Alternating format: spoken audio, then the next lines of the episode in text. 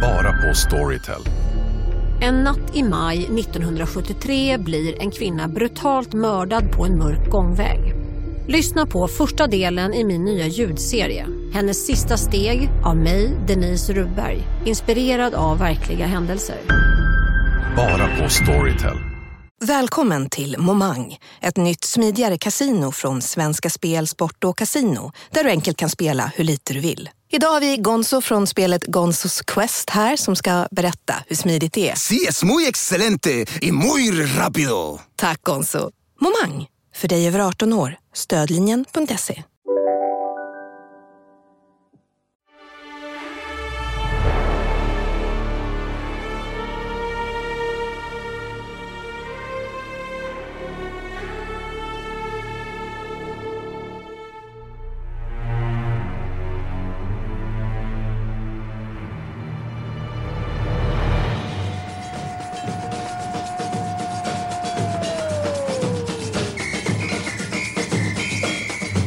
Hans namn var Romario. En playboy som gillade samba. Brasiliens fattiga hade skänkt ännu ett fenomen till fotbollen. Det hände mycket kring Romario före VM. Hans pappa kidnappades men släpptes. Ivan Romario vägrade acceptera något annat än fönsterplats vid flygresan till USA. Han var ju stjärnan.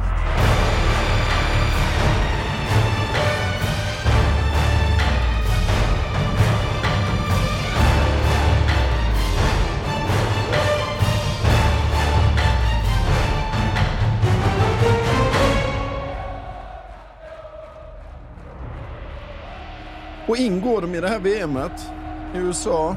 Ja, de hinner ju knappt komma dit i och för sig innan det blir ja, men den där typen av kontrovers som är mer underhållande än skandalös. Ja, den där jävla tramset på flygplanet, Ja. eller ja. Ja, men det är ju ofta det. Alltså, man kan ju bli trött på Romario och man Ja. kan ju känna att själv hade man inte orkat med honom. Och man kan fråga sig hur grandios och hur liksom självförhärligande man kan vara. Men det är ju sällan några här gigantiska skandaler som får en att känna att äh, det här är en förjävlig människa. Nej. Det är ju så här liksom små stök. Trams. Ja. Och det var det ju på det här flygplanet. Ja. Romario kommer in, inser att vad fan, här har han på något sätt bokat in hela anfallslinan på en stolsrad. Bebeto ska ha fönstret och Müller ska ha gång och jag ska sitta i mitten. äh, Bebeto, du som sitter där vid fönstret, du får flytta på dig. Jaha, varför det? Ja, för att där ska Romario sitta. Och det där hade ju kunnat slå väldigt mycket mer fel än vad det gjorde. Det hade kunnat bli en väldigt mycket större sak än vad det gjorde. Ja. Men grejen var ju tydligen att det var inte så att planen var fullt direkt. Nej. Det var ju bara spelartruppen och lite. Så det fanns ju mycket plats som helst. Så Bebeto var ja, begåvad, smart, eh, praktisk nog för att känna att ja, men vad är det där och tjafsa om? Jag går väl till nästa fönsterplats. Det finns så många fönsterplatser. Men, men visst, just på den här raden där vi är inbokade, ja, nej, där finns det inte fler fönsterplatser. Så då får väl Romario få ändå. Och sen så kunde de flyga till Brasilien. Ja.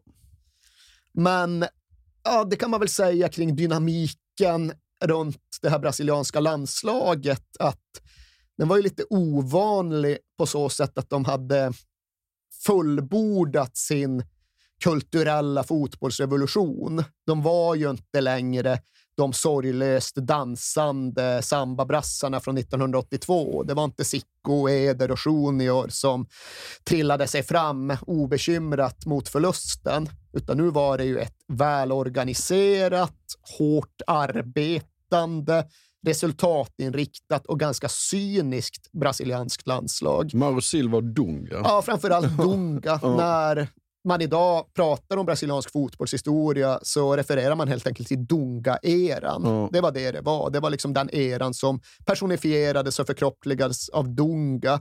Hans sätt att vara, hans sätt att spela. Och I Brasilien så kallar de ju Dunga för tysk, liksom, Ja. för att det är sån han är. Ja. Han spelar som tyskarna.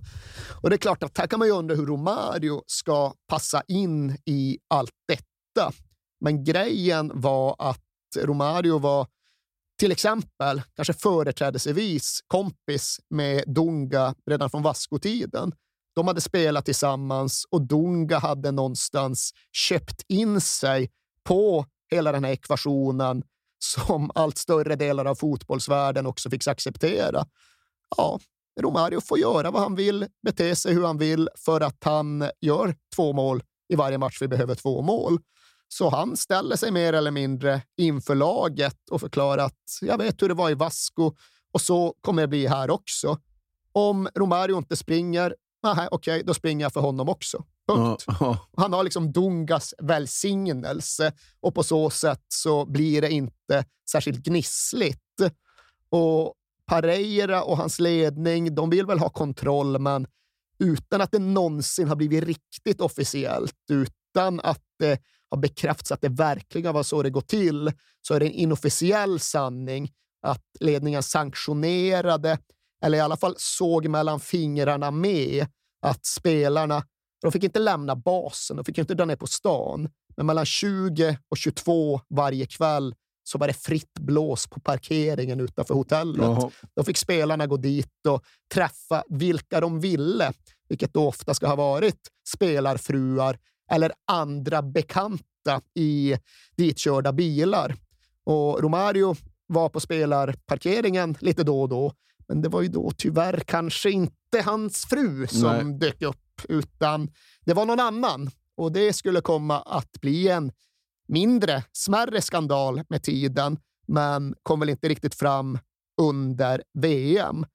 Själv sen, ja visst, det var så att jag drog ut ibland och det var väl inte min dåvarande fru jag träffade, för den relationen höll på att liksom klinga av ändå, utan ja, det var väl den här Playmoy-modellen. Och exakt hur ofta det var har vi inte riktigt fått definierat, men själv, ja, det var två gånger under gruppspelet kvällen före Ryssland och så kvällen före matchen mot Sverige. Och gruppspelsmatchen mot Sverige berörde vi ju som hastigast i början av avsnittet när vi skulle liksom, eh, förhålla oss till Romarios tåfjutsavslut. Ja. Men ja, det är väl också så vi minns den i relation till Brasilien. Vi minns Kenneth Anderssons mål såklart, men sen minns vi ju också vikarierande försvararen Pontus Kåmarks tvekamp mot Romario. Ja där de flesta är överens om att han gjorde ett jävla bra jobb. Ja, skitbra Cormac. Ja. Men det går liksom inte. Nej. Hur bra jobb du än gör mot Romario i 90 minuter, han kommer ju loss ja. en gång och det räcker. Och Pontus Kåmark hade spelat mot honom förut. Han hade mött PSV med Blåvitt några gånger. Men hur mycket han hade läst honom, hur mycket erfarenhet han hade, det, det gick inte. Liksom. Förr eller senare kom han loss. Och kontrasten var ju på sitt sätt också lite rolig. Romario, världens största fotbollsplayboy, mot Pontus Kåmark från Västerås som fortfarande jobbade deltid på någon PR-avdelning när han åkte till den här VM-turneringen. Ja. Och efter matchen ska de ha bytt tröja. Och i samband med att han träffade pressen då så sa Pontus att ja, ja, vad fan, han putsar ju skorna med min tröja ja. imorgon.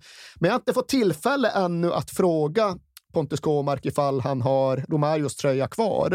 Det är inte säkert, för Pontus Kåmark är nästan brasiliansk i sitt sorglösa sätt uh -huh. att inte riktigt hålla koll på precis allt i tillvaron. Den borde han väl ändå ha koll på? Jag ska kolla uh -huh. det, men just nu är Pontus Kåmark ur spel. Vet du varför? Nej, men jag såg honom i tv igår ju. Ja, då har han återvänt ja. i så fall. Men han har varit ur spel ett tag, för han har ju precis blivit pappa igen Jaha. i typ 51 års ålder. Ja, och vi gratulerar till ja. det, men vi noterar det främst med glädje för att det har medfört att Pontus Kåmark bytt bio på Instagram. Det är väldigt roligt att i det här lilla textfältet där man ska förklara vem man är och vad man gör så hade Pontus Kåmark tidigare bara den slagkraftiga formuleringen Badman P. Jaha. Nu har han bytt ut Badman P till Modern Dad. Jaha. Pontus Kåmark. Om man ska summera sig själv, The Modern Dad. Ja. Sverige saknade Joakim Björklund. I motståndarlaget världens bästa forward Romario. Han skulle tas om hand av en svensk VM-debutant, Pontus Kåmark.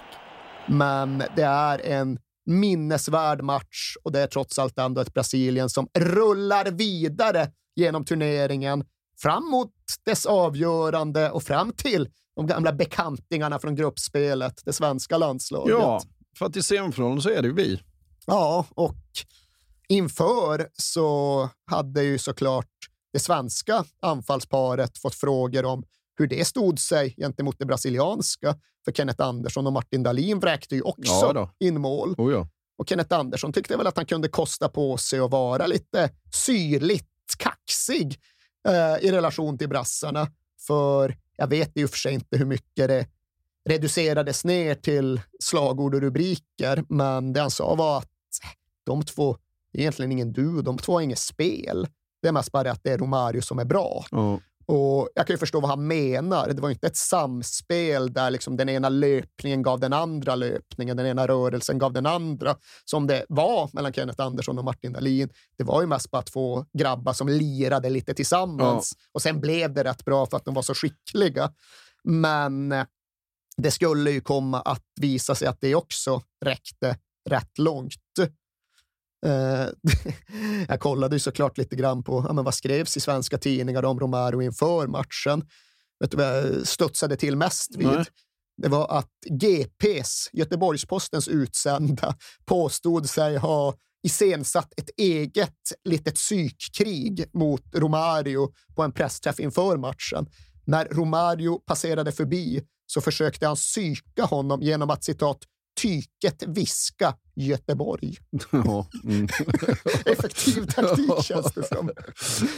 Kanske inte riktigt den ingången jag hade byggt min egen eh, inför matchen krönika på, men det fanns något i den som ändå jag roade mig. Jag tror Mario kunde sova den natten ändå. Ja, han kom ju inte ut i matchen och framstod som särskilt skakad. Han var rätt aktiv, han var rätt bra, men han var ju för ovanlighetens skull faktiskt rätt trubbig. Ja. Han ställdes mot Thomas Ravelli som gjorde både en och fyra parader och fick spexa och strutta runt med strakraka ben.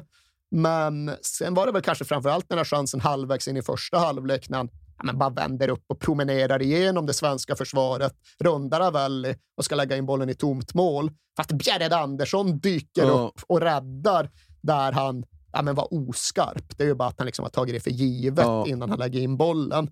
Men annars var han ju vass och kom till avslut efter avslut, men möttes av en skicklig Ravelli fram till det då att Jonas Tern blir utvisad. Sverige Jävla orkar dunga. Ja.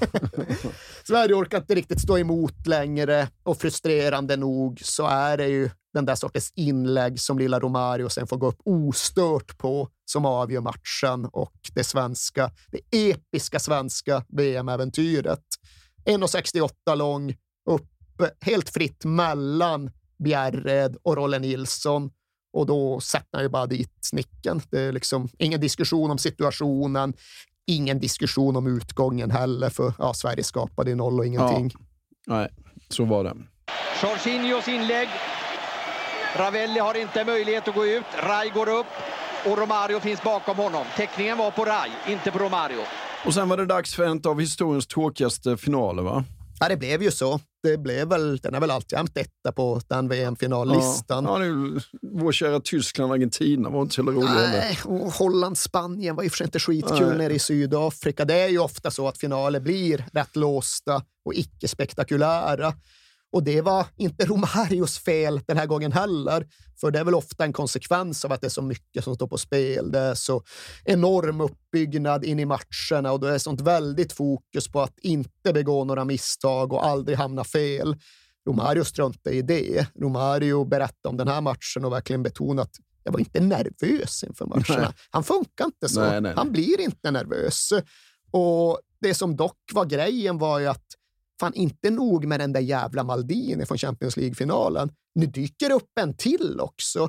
För Baresi, Franco Baresi hade saknats i Champions League-finalen, men nu var han i spel ja. och nu fick han gå mer mot Romario och Maldini fick vara mer ytterback. Och han var ju ännu jobbigare. Ja. Jag tror att Romario fortfarande säger att ja, bästa försvararen jag mött, Franco Baresi. Ja. För jag var på och jag var uppskruvad och jag ansträngde mig, gjorde massa löpningar och skit. och ändå var den där Baresi där hela tiden.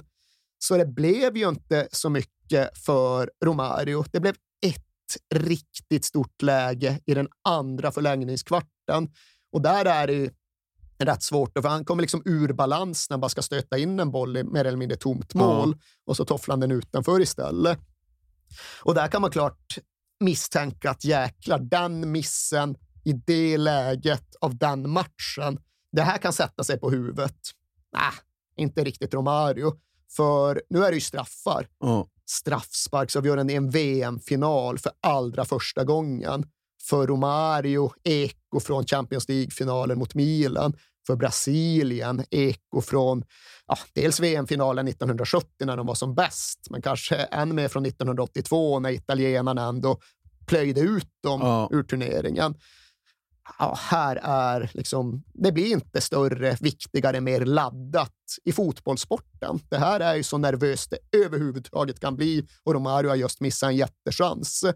Men nu ska det bestämmas vilka som ska skjuta straffar. Och det här är också en kuriositet med Romarios karriär. Att han var inte särskilt intresserad av straffar. Nej.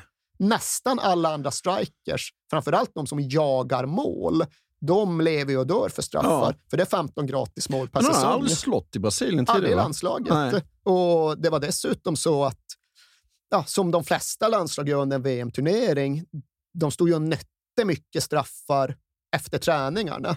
De verkligen såg till att skjuta tillräckligt mycket för att känna sig säkra, men det orkade inte Romario. Nej. Han gick in i omklädningsrummet. Bebeto säger att han brukade slå 70 straffar om dagen under hela VM-turneringen. Romario slog noll. Ja. När det var klart så var det klart. Liksom. Och Det innebar att han var inte självskriven för att slå en straff. Pareira hade en lista med fyra klara namn på de som var bra, stabila, visade liksom att de ville slå på träningarna. Men man ska vara en femte. Närmar sig Romario, hinner inte säga något. Romario bara upp med fingret i luften. Så. Ja, ja, ja, ja, absolut, jag tar ja, han slår ju inte sin straff sen med några vidare stora marginaler direkt. Skitcool straff, tror jag. Trär in den, stolpe in. Vänta och titta lite. Högt uppe nära krysset. Ja, det såg onekligen ut som att Roberto Baggio, som ju i många ögon tävlade med Romario om titeln som både världens bästa spelare och VMs stora kung. Han tycktes ju lite mer tagen av stundens allvar än vad Romario var. Oh. För ja, Roberto Baggio, som ni vet, skyfflade sin straff åtta meter över och Baresi gjorde typ detsamma och sen var det klart.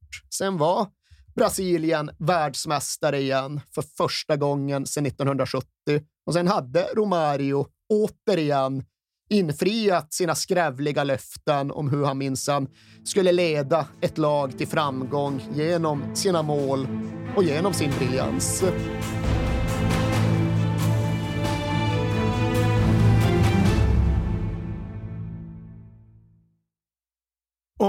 Romario har trivts i Rio de Janeiro tidigare så är det ju inte så att han trivs mindre efter VM i Rio de Janeiro. Nej, han har ju rätt svårt att lämna platsen. Det ska, innan vi hinner till Rio också sägas att de körde ju en flygets Eriksgata med turnéstopp på vägen hem.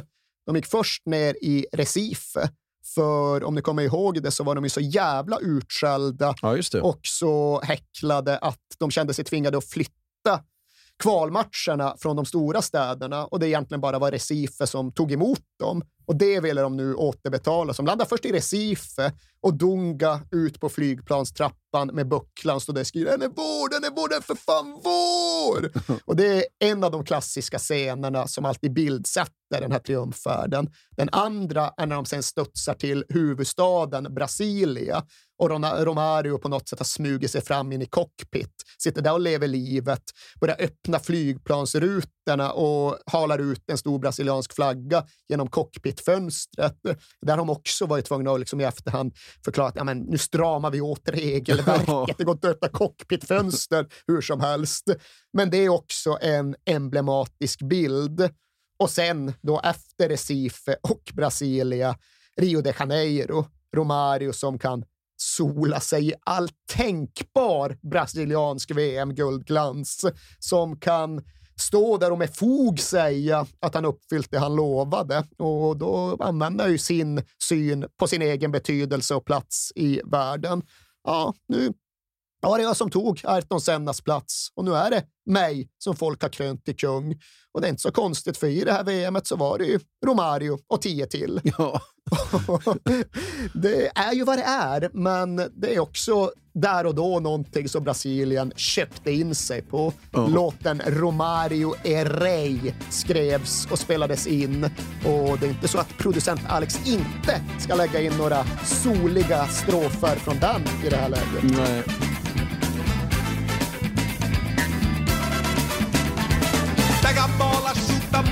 Cima, faz um gol. Só que eu quero ver você fazer. Romário, anjo, torto, demônio do futebol, dribla, seduz, importa de prazer. Príncipe da Eindhoven, Barcelona, barreira do baixo. Romário campo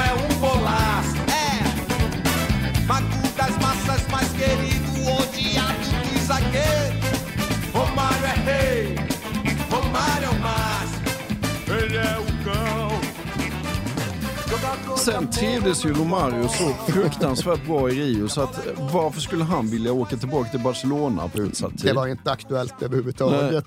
Det var ju tajt eh, eftersom att eh, så som schemat egentligen var upplagt så skulle VM-finalisterna bara få en vecka ledigt mellan hemkomsten och det att försäsongsträningen skulle inledas borta i Katalonien.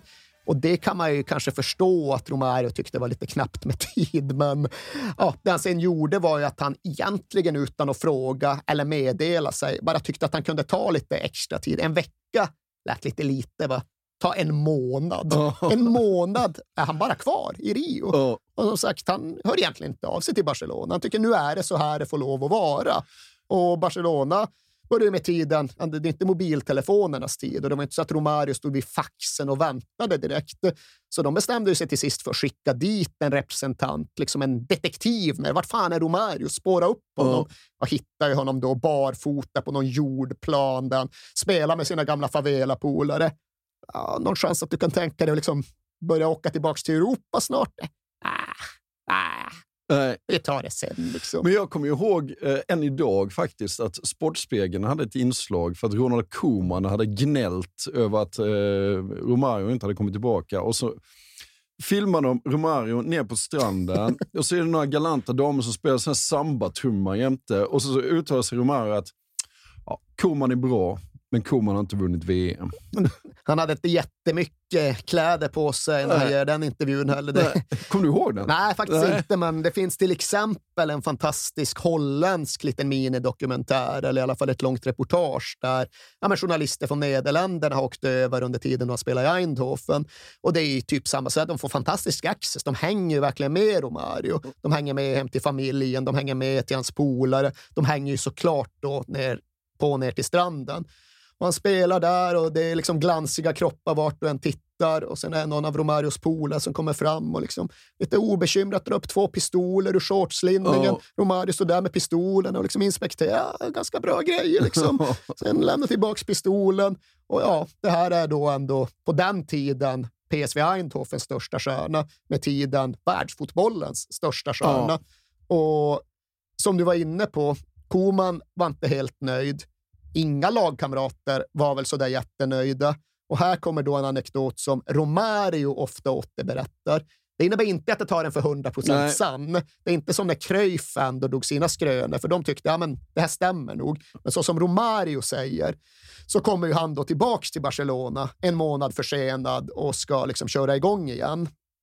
Och då samlar om det är spelarrådet eller om det är hela spelargruppen ihop sig för en typ av möte med Romario.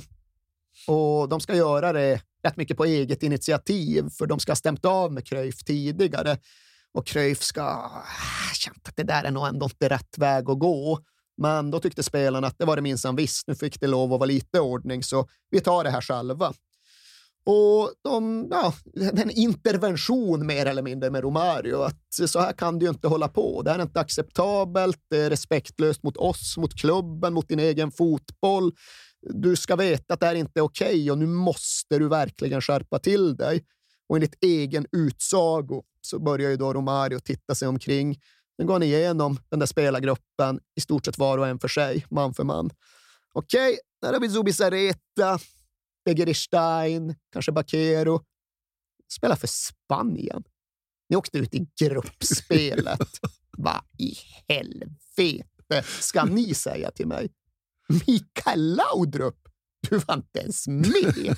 Du var inte ens med i VM och tror att du ska kunna komma här och snacka.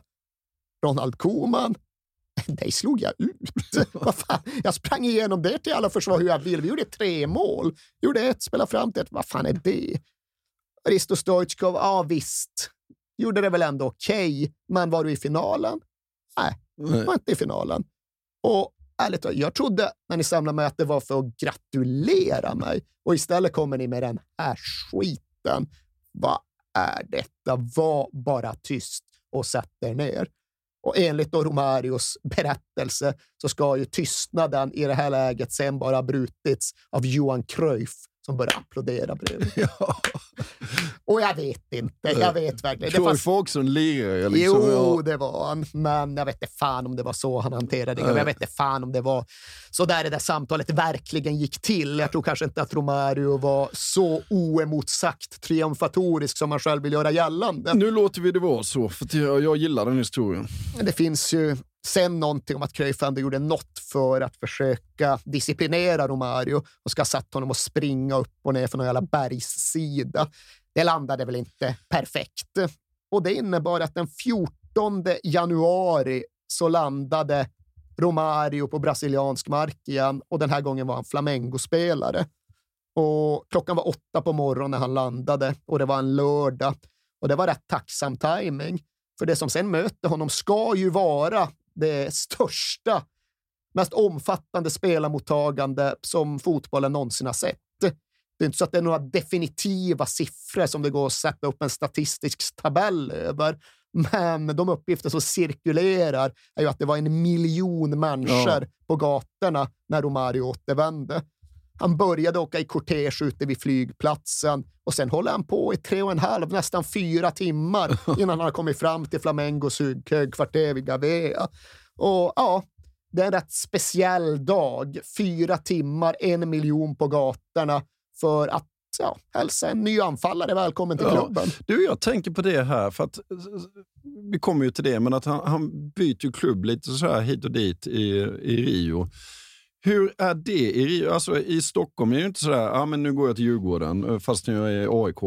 Det, det är ingen lek. Nej, det kommer att bli mycket mindre laddat och mycket mer vanligt förekommande i Brasilien och det är väl en konsekvens av att allt är så jävla rörigt där på alla sätt. Vi tycker det är turbulent i en spelartrupp om det är fem in, fem ut. Brasiliansk spelartrupp, det är 25 in, 25 ut ja. och det är bara vinstefönstret. Det snurrar så mycket på spelare och de går från den ena klubben till den andra och folk hinner inte ens fatta att de är där innan de sen har flyttat vidare. Och vilket, ägs han av den här klubben? Nej, han tillhör en annan. För att den här killen tillhör ingen klubb. Han ägs av en privat investerare. ja.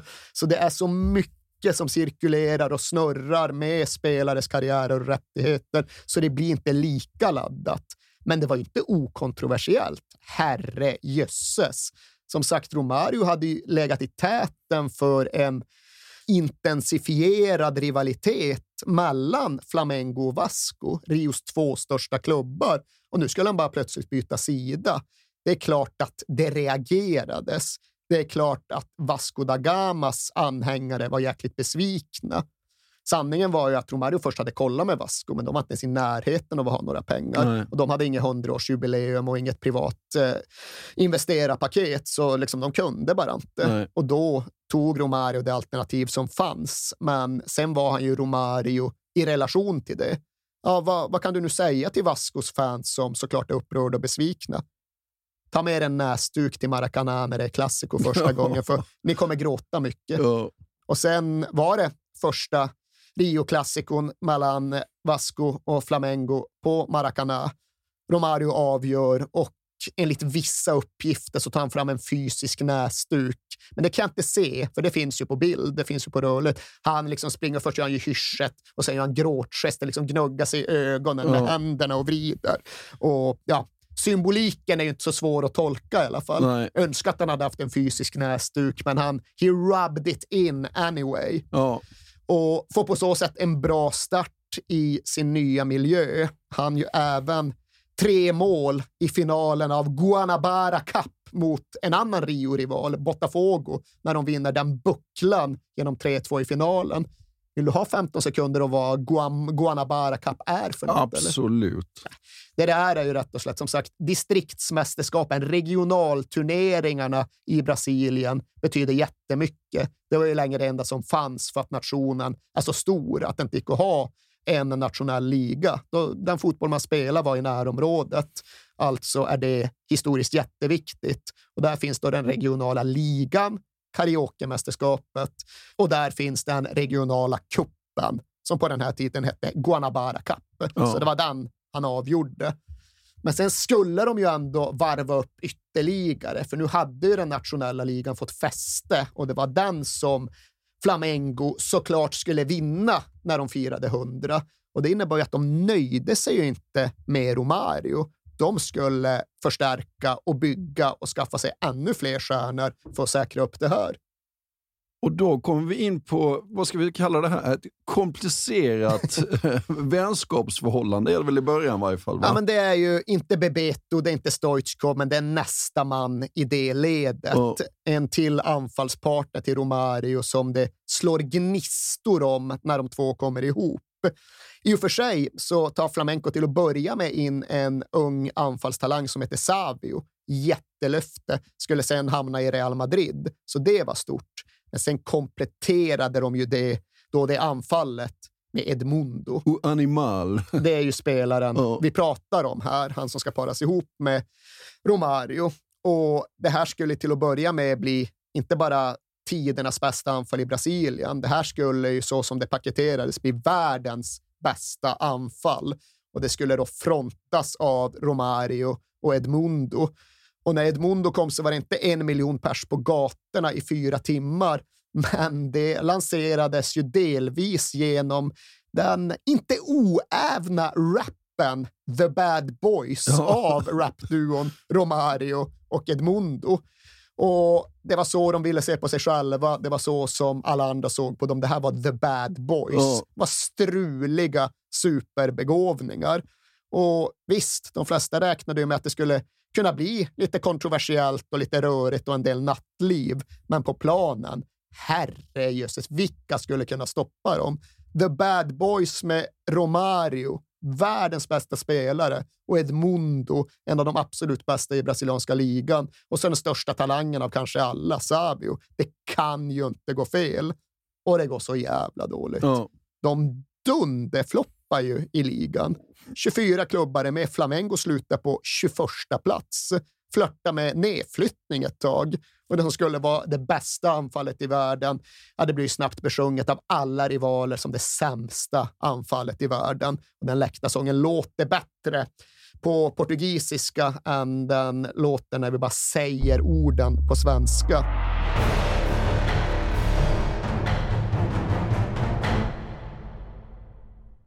Vi fortsätter med vårt stora 90-årsfirande, Alex. Ja, precis. Själva födelsedagen för Stryktipset är ju i oktober, men det här är liksom det är förfesten. Ja, för vi är ju sponsrade av Stryktipset, ett spel från Svenska Spel, Sport och Casino för dig över 18 år. Vi är ju det och eh, har du problem med ditt spelande så finns stödlinjen.se där för dig.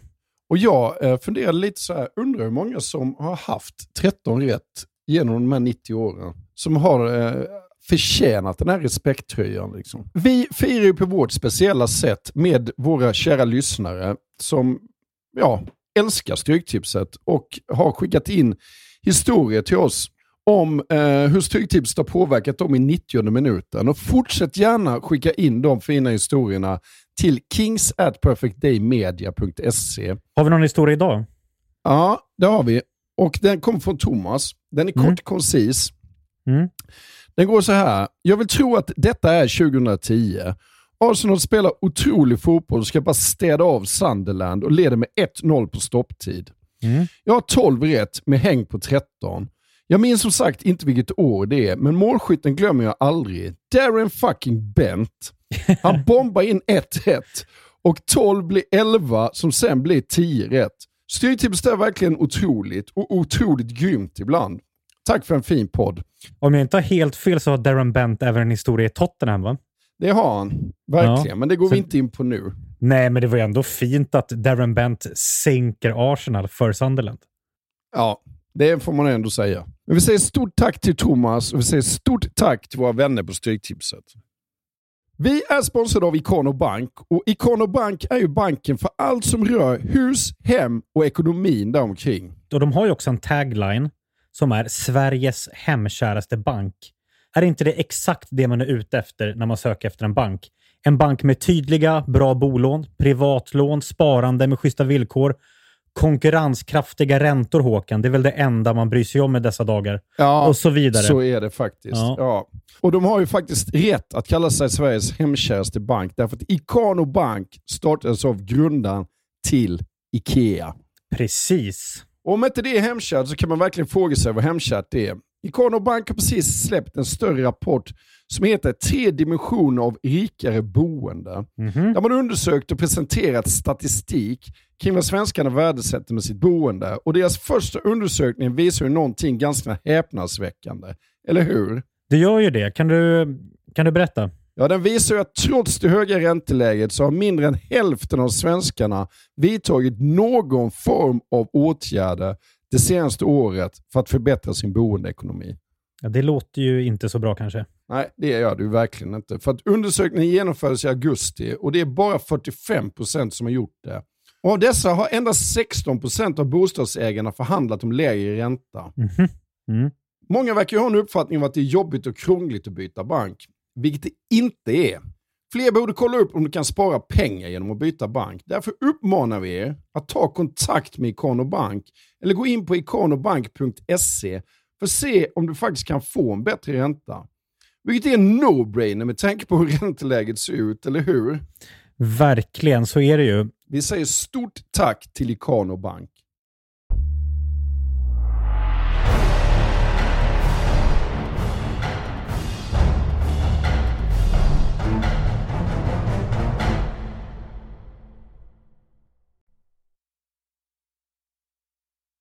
Men var befinner han sig i sitt proffsliv då? Ja, han måste ju på något sätt tillbaks upp på hästen igen, men det märks ju på honom att det kom en rekyl efter den här VM-turneringen som inte blev. Han tycks inte helmotiverad och helfokuserad under det dryga år eller så som följer.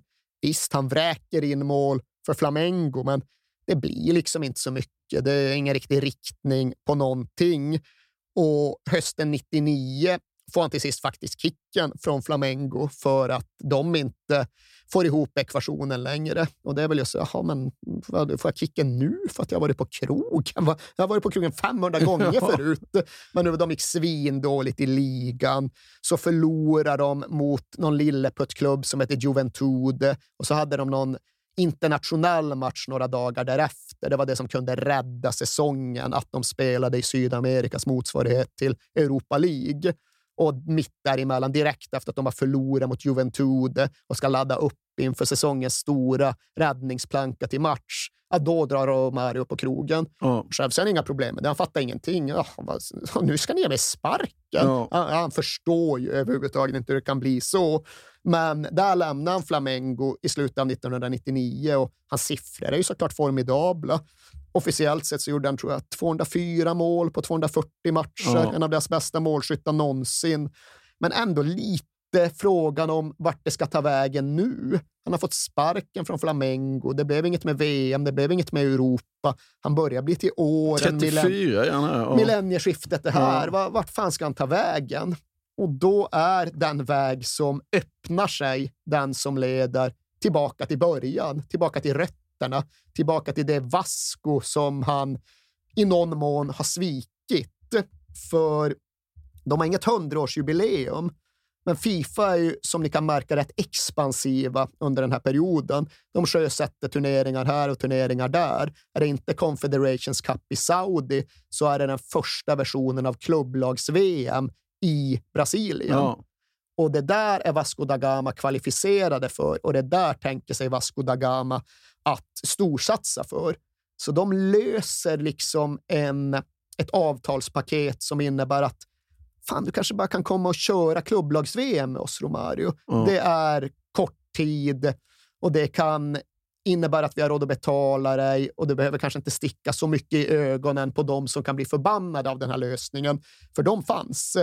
Även om det inte är så laddat att byta Rio-klubb så var det inte så att Vascos aktiva fans var jättetända på att få tillbaka Romario efter att han hade stått och gjort grin, gringubbegester åt dem på Maracanã i derbyt. Ja, och Vascos lagkapten var väl inte helt nöjd heller? Va? Det var ju precis det. För det var inte nog med att han hade Torsidorna emot sig, han hade då även Edmundo emot sig. För hans gamla kompis, hans bad boy-polare, som vi senast hörde talas om när han körde ihjäl tre pers på fyllan, han tillhör numera Vasco. Han är numera lagkapten i Vasco och han har sen sist även blivit ovän med Romario. Men nu skulle de på något sätt ändå samsas och spela ihop i anfallet när Vasco skulle attackera klubblags-VM.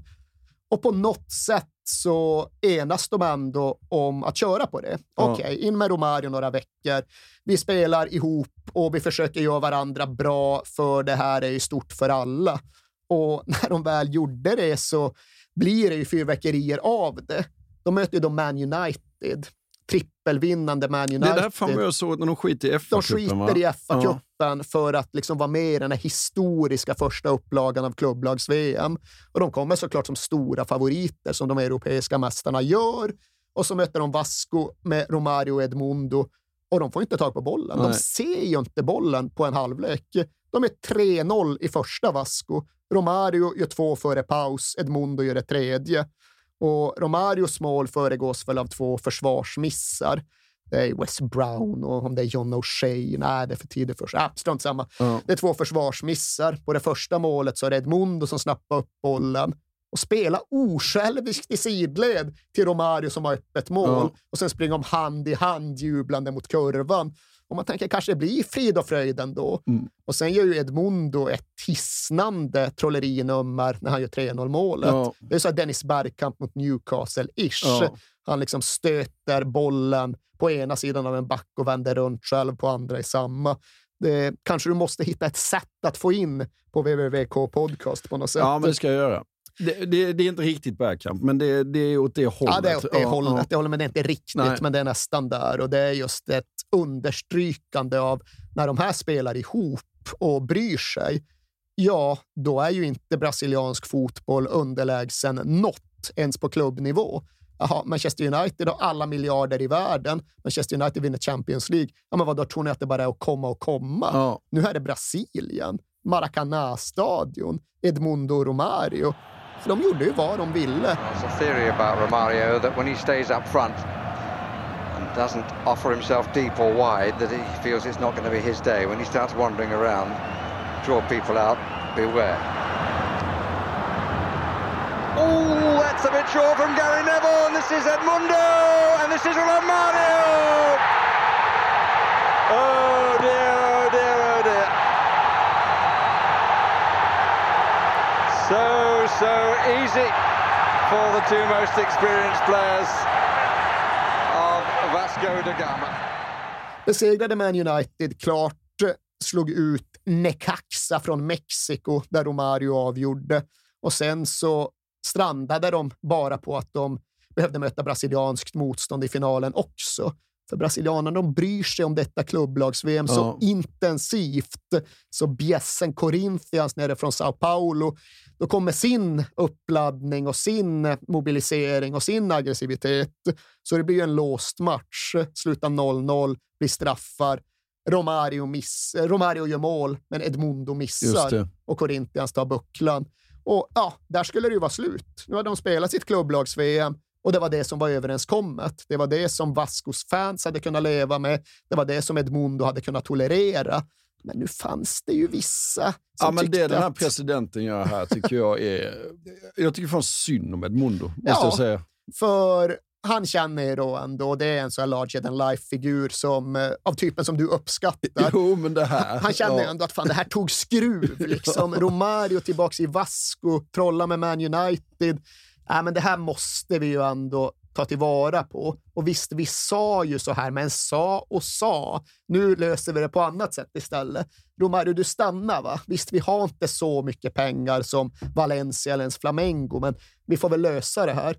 Och Romario, liksom, ja, pengar är en sak. Det finns andra värden. Det finns stolthet, det finns status, det finns hierarkier okej, jag kan ta ditt kontraktserbjudande, men den här jävla Edmundo, ah, jag vill ha hans kaptensbindel. Ger du mig den kaptensbindeln, ja, då skriver jag på. Ah, ja, absolut, säger presidenten. Ja. Och sen blir det så. Och så, sen ska de försöka samsas och spela vidare. Och så går det några veckor och så är det någon match och så blir det straff för Vasco. Och som sagt, Romario historiskt sett inte så intresserad av straffar. Nej. Äh, det är liksom bluffmål, de får någon annan göra. Nu var han jävligt sugen på straff. För första straffläggare var ju Edmundo. Exakt. Mm. Och fick då någonstans eh, ja, men, le högsta ledningens mandat att slå straffen. Och det kändes någonstans som att Fan, fråga om han missade den med flit. Ja. Satte den i stolpen och ut och ryckte sen på axlarna. Och sen som det är i brasiliansk fotbollskultur, på väg ut i paus. Journalister in, tv-kamerorna fram. Edmundo, vad fan händer? Du brukar slå straffar, nu slår du inte straffen. Vad är det här? Edmundo, ah.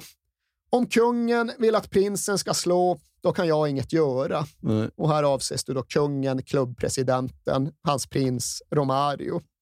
Sen gick det ytterligare en match eller två. De vinner en match med 4-1 och Romario får micken uppkörd i nyllet efter den där matchen när han hade gjort en massa mål och liksom, det var klang och jubel. Ja, hur ser du på det här? Det har varit lite rörigt, men nu vinner ni stort. Ja, nu är väl alla glada. Kungen, prinsen och så narren. det, ja, det, det, det är begåvat nedsättande. Ja, det, och det är ofta säga. han säger begåvade nedsättande Ja, den- saker. Han har en vass tunga. Ja, det har han. Absolut. Men, men Edmundo beskrev det som att, ja men för en journalist då att, ja men du är journalist, du är borta från redaktionen tre dagar och sen när du kommer tillbaka så säger han, nej, nu är du vaktmästare. det var så han kände sig. Ja, det var ju så. Ja. Och det var en klassisk maktkamp där Romario satte stort värde på att vara herren på täppan och tuppen i hönsgården. För ja, sånt var viktigt för Ja. honom.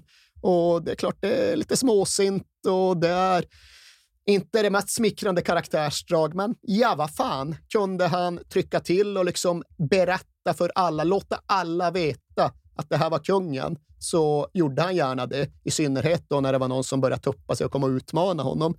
Så det kunde ju bara sluta på ett sätt. Edmundo, ja, han fick bli utlånad till Santos. Romario blev kvar och går riktigt bra i Vasco. De vinner den här Europa Ligiga varianten som heter Copa Mercosul. Och det är något som han håller som en av karriärens höjdpunkter. Och den är märklig för där är, ja, det är två finaler, det är hemma borta till att börja med. Men sen är det inget dubbel, alltså det är inga bortamål eller så. Så hemmalaget vann ena matchen, bortalaget vann andra matchen. Ja, men då kör vi tredje, då kör vi omspel. Och i det omspelet så blir det 4-3 till Vasco. Romario gör tre mål och avgör på straff i 93. Så det tyckte han var toppen, trots att det var ett lite rörigt finalupplägg. Men det är ju ändå inte det som är den stora grejen med hans 2005. Nej, för att de väntar väl sitt sjätte, hans sjätte barn va? Sex barn med fyra olika kvinnor och så några till som det finns så här vårdnadstvister om som man inte har erkänt. Men Ja. minst sex barn med fyra kvinnor. För då föds hans dotter i varje fall. Och det blir ju speciellt. Ja, och här vänder ju allt. Här får boken, historien, sagan om Romario ett helt nytt kapitel. Och det kan jag nog känna att vi behöver så här långt in i historien. Det hade blivit för endimensionellt ifall vi bara hade pratat till den här punkten och sen hade han lagt av och så hade man suttit och skrockat kring den här fotbollens playboy som gjorde vad han ville. Ja. Men här får ju historien en helt ny botten. För Romarios sjätte barn visar sig vara en dotter som får namnet Ivy och som föds med Downs syndrom. Ja. Och det här får Romario förklarat för sig medan hans fru fortfarande ligger på uppvaket. Och då ska han behöva ha ja, men, kriget med sig själv i 20 minuter. Vem är jag? Hur reagerar jag på det här? Vart tar jag vägen? Och vad säger de här valen om vem jag egentligen är? Vad är det jag ser i spegeln när jag tittar? För först går han runt och ser det här som en jättetragedi. Och världen är orättvis mot honom och herregud där uppe, vad har jag gjort i himlen för att förtjäna den här bestraffningen?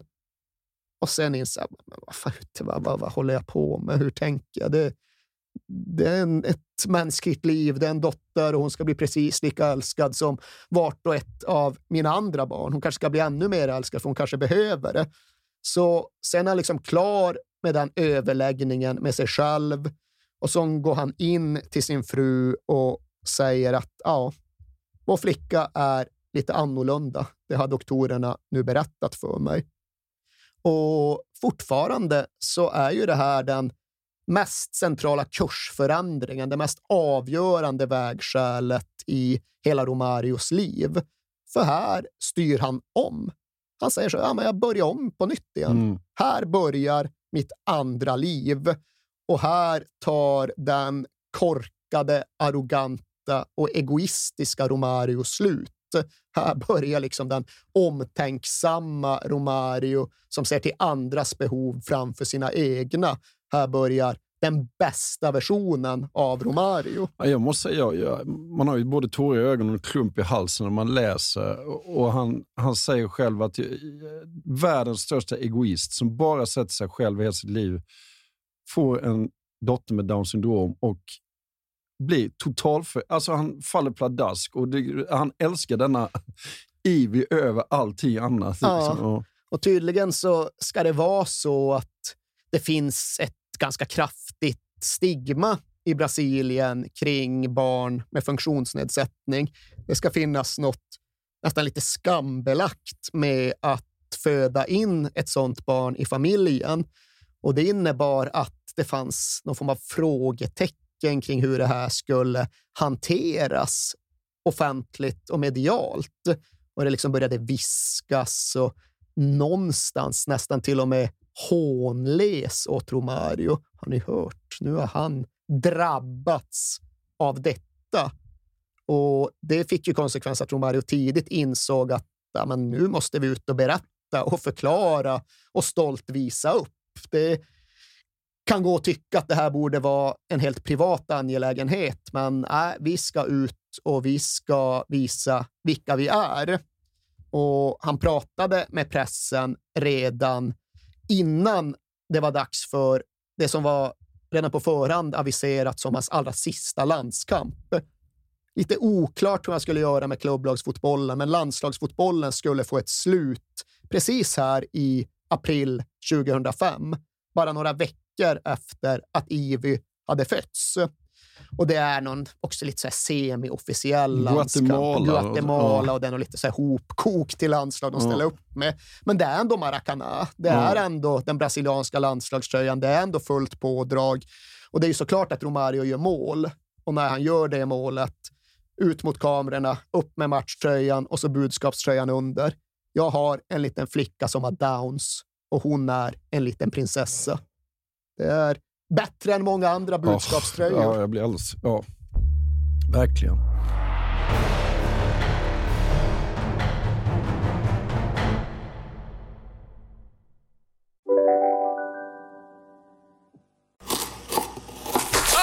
Dåliga vibrationer är att skära av sig tummen i köket. Ja! Bra vibrationer är att du har en tumme till och kan scrolla vidare. Få bra vibrationer med Vimla. Mobiloperatören med Sveriges nöjdaste kunder enligt SKI. Om en yogamatta är på väg till dig, som gör att du för första gången hittar ditt inre lugn och gör dig befordrad på jobbet men du tackar nej för du drivs inte längre av prestation. Då finns det flera smarta sätt att beställa hem din yogamatta på. Som till våra paketboxar till exempel. Hälsningar Postnord. Här sitter jag i en ljudstudio tillsammans med ett sjölejon för att berätta att McDonalds nu ger fina deals i sin app till alla som slänger sin takeaway förpackning på rätt ställe. Även om skräpet kommer från andra snabbmatsrestauranger, exempelvis Eller till exempel Ja, precis. Men han har ju hittat en ny målsättning också. Va? Ja, alltså... Som sagt, det här var en fas av livet där det var ganska nära till hands att tro att Romario ändå skulle sluta spela fotboll. Det var väl dags. Nu hade han ju också annat att tänka på. Men istället så skapar han, han uppfinner nästan en ny målsättning och får därigenom en ny drivkraft. För du pratade tidigare om hur han kunde ha haft tre VM-guld och att det någonstans hade varit en annan, ett annat sätt att värdera hans gärning ifall han bara hade kunnat räkna ihop dem. Han tyckte någonstans själv att det var vettigt och han tyckte någonstans själv att han borde väl snart ha gjort tusen mål. Ja. Det var ju någonting han sa när han började spela från allra första eh, under de allra tidiga åren, att han skulle göra tusen mål som Pelé. Och fan, det borde väl börja vara dags nu. Ja. Och det han då gör i samråd med det Vasco han ytterligare en gång har återvänt till, det är att sjösätta Progetto Romario Mil Goals, alltså projekt Romario tusen mål. Och det är ju en konstruktion Ja. för det vi ser som officiella tävlingsmatcher. Det räcker ju inte. Nej. Istället är det ju så uppvisningsmatcher, träningsmatcher av viss karaktär, många märkliga matcher som plötsligt genererar bortglömda mål. Och helt plötsligt så liksom, jo men för helvete, jag står på så här 984 eller något i Ja. stilen. Det är alldeles i närheten nu. Va? va- Va? Va, vad hände här? Jo, för fan, 984, så de, de ska jag skrapa ihop nu. Ja. Jaha. Och Romario helt ny motivation och som sagt Vasco i ryggen och en klubb som kanske inte riktigt har en rimlig styrsel under den här tiden, för den ställer ju om hela verksamheten för att hjälpa fram Romario. Och tränarna får instruktioner, spelarna får instruktioner. Jo, nu ska vi hjälpa fram Romario.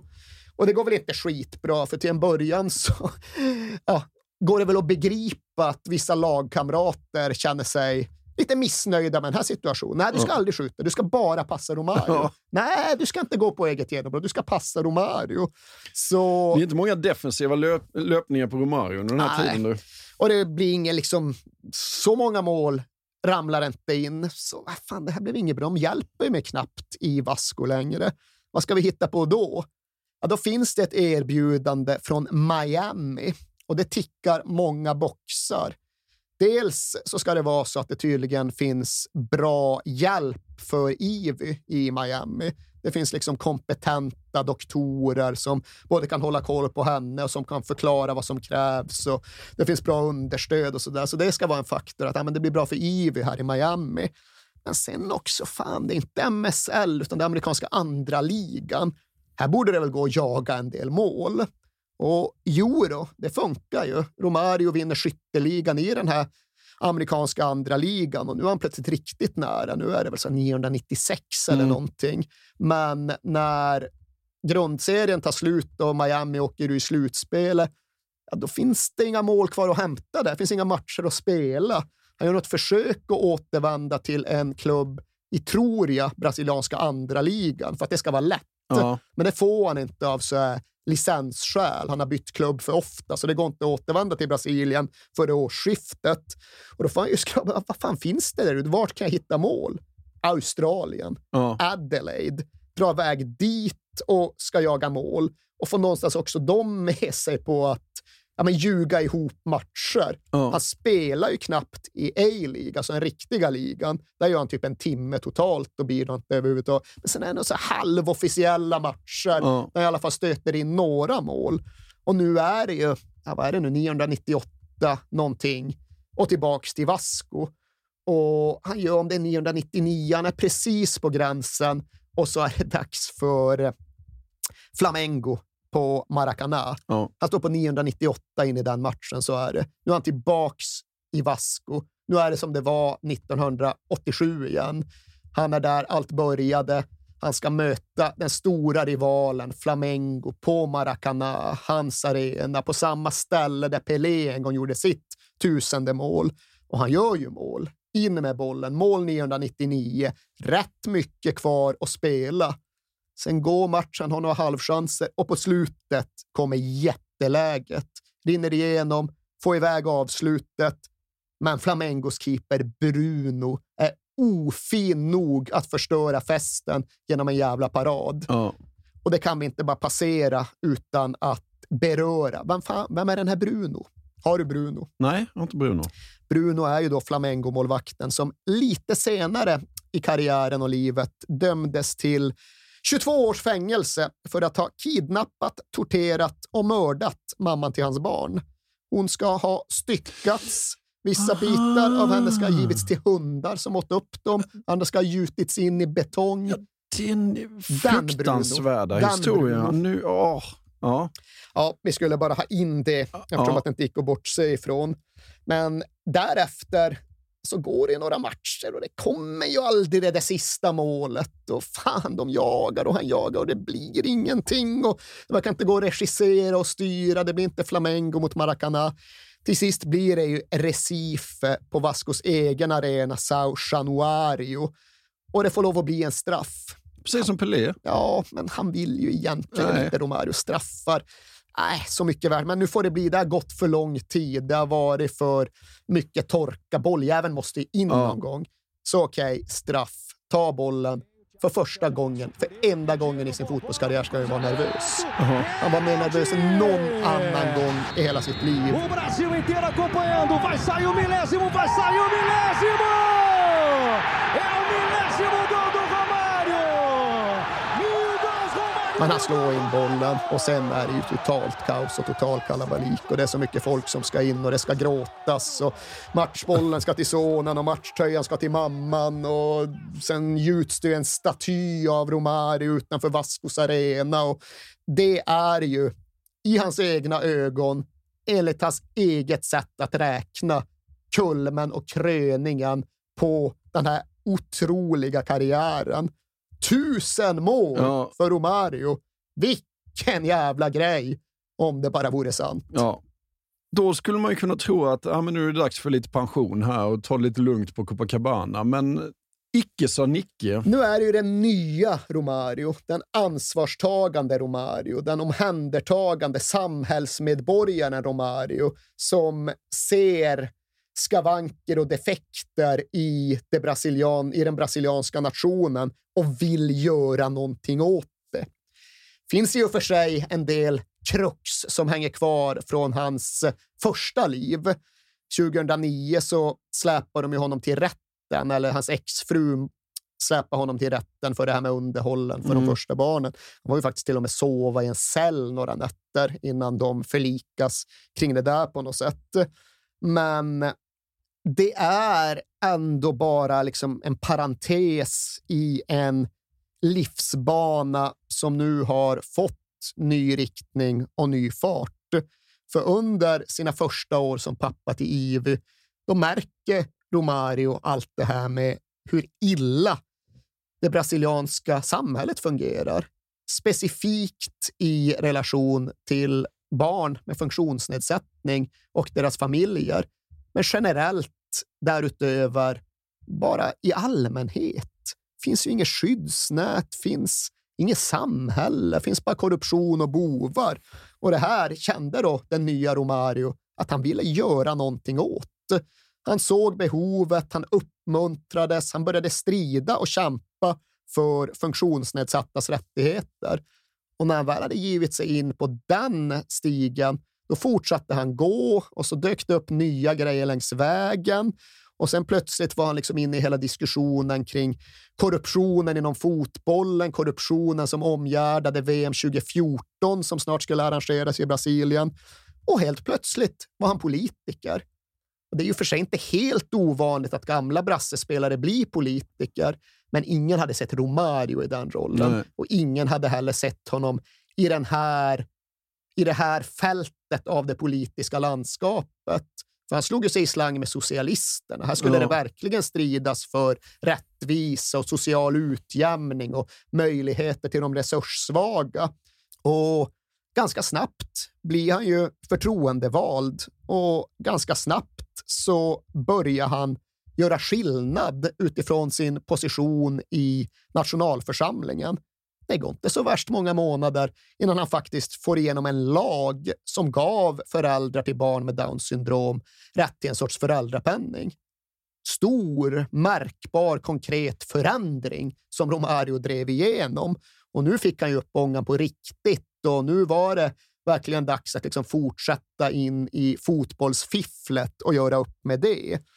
Och det var just i egenskap av högljudd och välformulerad kritiker mot hela korruptionskalaset som VM 2014 skulle komma att bli som han någonstans vann de breda massornas förtroende. För i den rollen blir han med tiden invald i den brasilianska senaten. Ja. Och det är ju inte liksom med darr på ribban och bakvägen han kommer in där, utan han får fler röster än någon kandidat från Rio någonsin tidigare har fått. Han blir invald med 4,6 miljoner röster. Och han var en ny Romario, men han var någonstans fortfarande också samma gamla Romario sett till hur han uttryckte sig och sett till vilka strider han valde att hela tiden kasta sig in i.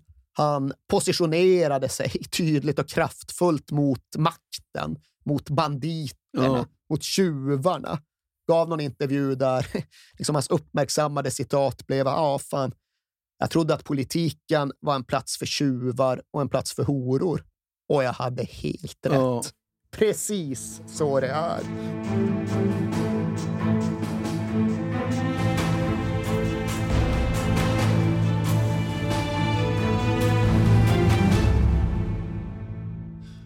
Men när jag läser om honom, var han inte Brasiliens Maradona? Kanske minus drogerna? Ja, det var han nog på ett sätt. För Maradona var ju en så tydlig uttolkare av någon sorts argentinsk folksjäl. Titta på Maradona så ser du Argentina med allt som är fantastiskt och med allt som är fruktansvärt och med hela spännvidden däremellan. Och så är det väl med Romario också. Man tittar på hans förlagor och det är klart att Pelé bar på sin berättelse om Brasilien. Garincha bar på sin berättelse om Brasilien. Men den ena av dem är inte i livet längre och den andra är väldigt gammal och det är svårt att se någon typ av modernt Brasilien i någon av dem eller ens i deras arv. Men det gör man ju i Romario. Man ser hela Brasilien. Man ser kanske hela världens allra brokigaste och mest färgsprakande land. Och det finns något i mig som fortfarande instinktivt värjer mig mot klyschorna och schablonbilderna runt Brasilien. Jag blir allergisk så fort det ska smattra trummor och snackas om sambabrassar varje gång Brasilien ska spela en fotbollslandskamp. Men när det kommer till Romario så är det någonstans okej. Han är klyschorna, han är stereotyperna, han är skavankerna, men han är också allt det här som är så förtrollande. Han är bilden av Brasilien, sammanfattningen av Brasilien, förenklingen av Brasilien. Och bara det är ett otroligt avtryck från en fotbollskarriär. Romario blev på något sätt Brasilien för att han var som alla andra och Romario blev också Brasilien för att han var som ingen annan.